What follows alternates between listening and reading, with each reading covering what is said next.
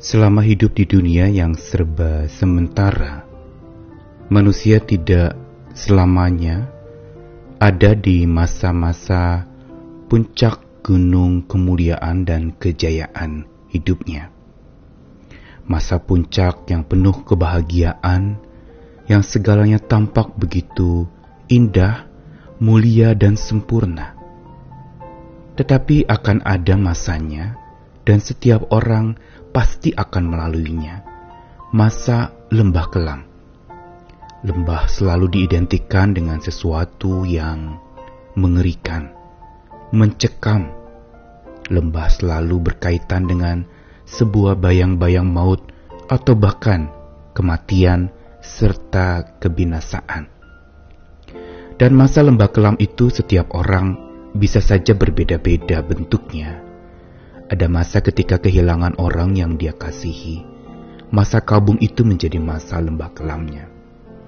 Atau masa ketika dia hancur-hancuran, habis-habisan mengalami kebangkrutan dalam hidupnya. Atau masa di mana dia sedang sakit atau sekarat. Masa di mana dia sedang kritis di dalam kondisi kesehatannya.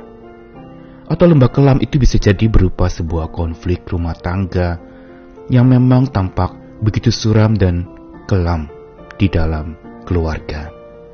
Dan masih berbagai macam versi lembah kelam yang dialami oleh setiap orang. Hanya satu hal yang sering kali kita lupa bahwa sesungguhnya masa lembah kelam dapat mengancam dan mencengkeram siapa saja tanpa pandang bulu. Kapan saja bisa sewaktu-waktu datang tanpa diundang dan juga bisa terjadi di mana saja. Bisa di tempat-tempat di mana kita pikir di situ tidak ada lembah, tapi ternyata di situ kita berhadapan dengan lembah kelam. Atau ada masa di mana kita sedang merasakan sesuatu yang tampaknya ada dalam mimpi begitu indah, tapi tiba-tiba mimpi itu berubah menjadi mimpi buruk yang melukai, yang membuat hati tampak suram dan muram. Namun janji Tuhan pasti. Di lembah kelam ada sang kalam. Apa atau siapakah sang kalam itu? Saya Nikolas Kurniawan menemani di dalam Sabda Tuhan hari ini yang akan menyapa kita dari satu ayat di dalam Mazmur yang sangat terkenal ditulis oleh seorang Daud. Mazmur 23 ayat yang keempat, sekalipun aku berjalan dalam lembah kekelaman, aku tidak takut bahaya, sebab engkau besertaku, gadamu dan tongkatmu, itulah yang menghibur aku.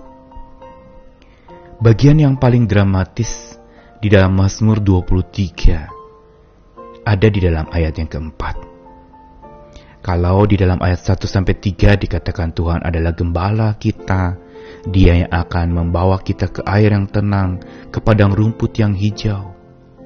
Namun, di dalam ayat yang keempat ini justru menunjukkan satu fakta dan realita yang terselip di tengah-tengah berita penghiburan dari Tuhan bahwa Dia gembala agung hidup kita, yaitu ada lembah kelam yang tidak bisa tidak kita harus hadapi selama kita hidup.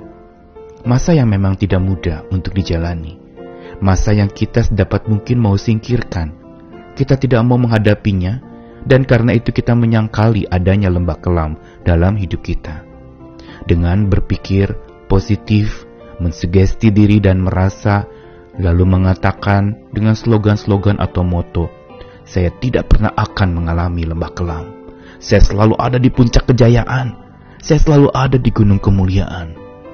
Hati-hati pada saat itulah seseorang justru bisa berhadapan dengan lembah kelamnya sendiri. Dan Daud ketika menuliskan Mazmur ini memahami akan fakta adanya lembah kelam dalam hidup para domba asuhan Sang Gembala Agung Tuhan kita.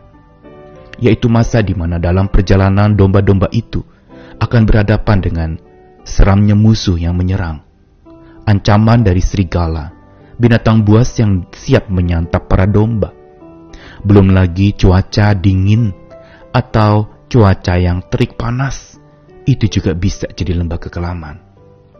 Dan kondisi lembah kelam ini sebenarnya di dalam kitab suci digambarkan sebagai sesuatu yang menandakan sebuah kehancuran, sebuah titik rendah yang dialami oleh seseorang.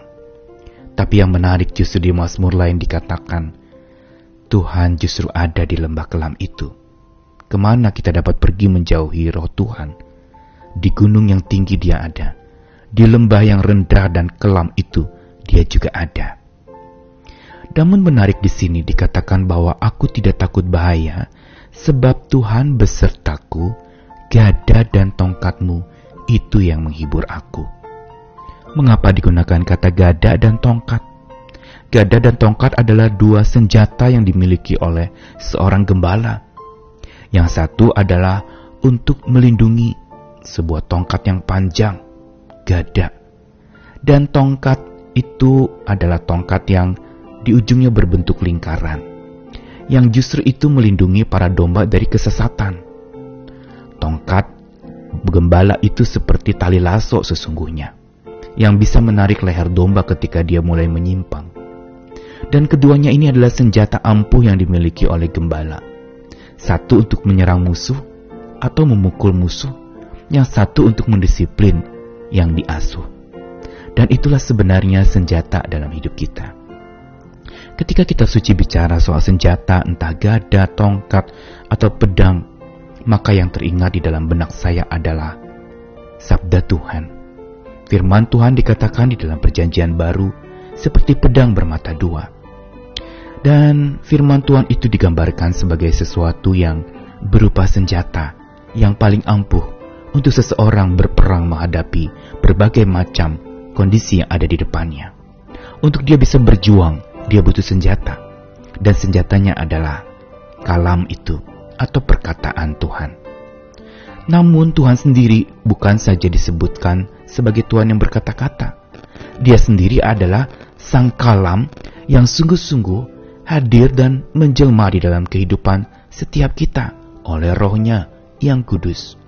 Sang kalam itu adalah Tuhan sendiri yang bukan sekedar kata-kata penghiburan yang membangkitkan semangat buat kita tapi sang kalam itu menggenggam hidup setiap orang percaya. Menggenggam berarti diselubungi. Menggenggam berarti bahwa sabda Tuhan itu terus membuat kita tenggelam di dalamnya. Bukan saja memahami, tapi kita mengalami bagaimana kata-kata Tuhan itu menjadi begitu hidup dalam hidup kita. Dan sang kalam itu juga menenteramkan jiwa kita. Bukankah pesan Tuhan selalu sama? Datanglah kepadaku yang letih dan berbeban berat, aku akan beri kelegaan kepadamu. Kenapa datang kepada sang kalam hidup itu? Karena dialah sebenarnya yang mampu menggenggam kita. Dunia tidak mampu menggenggam kita, tapi sang pencipta dunia itu mampu menggenggam kita. Dan bukan saja menggenggam, tapi dia juga menenteramkan jiwa kita. Memberi kenyamanan, ketenangan. Kata-kata yang bukan semata penghiburan, tapi juga teguran. Makanya dikatakan pedang bermata dua. Sabda Tuhan ada perintah, ada janji dan Tuhan juga memerintah dan sekaligus dia berjanji menyertai kita senantiasa. Inilah dua kekuatan dari sang kalam, menggenggam dan menentram jiwa. Ujungnya adalah kalau kita mau digenggam dan ditentramkan oleh sang kalam hidup itu di lembah kelam hidup kita, maka kita akan tetap bersemangat baja oleh kekuatan sang kalam saja. Dialah yang akan memampukan kita menghadapi lembah kelam yang entah kapan itu akan terjadi, atau saat ini sedang terjadi, atau mungkin dulu pernah terjadi.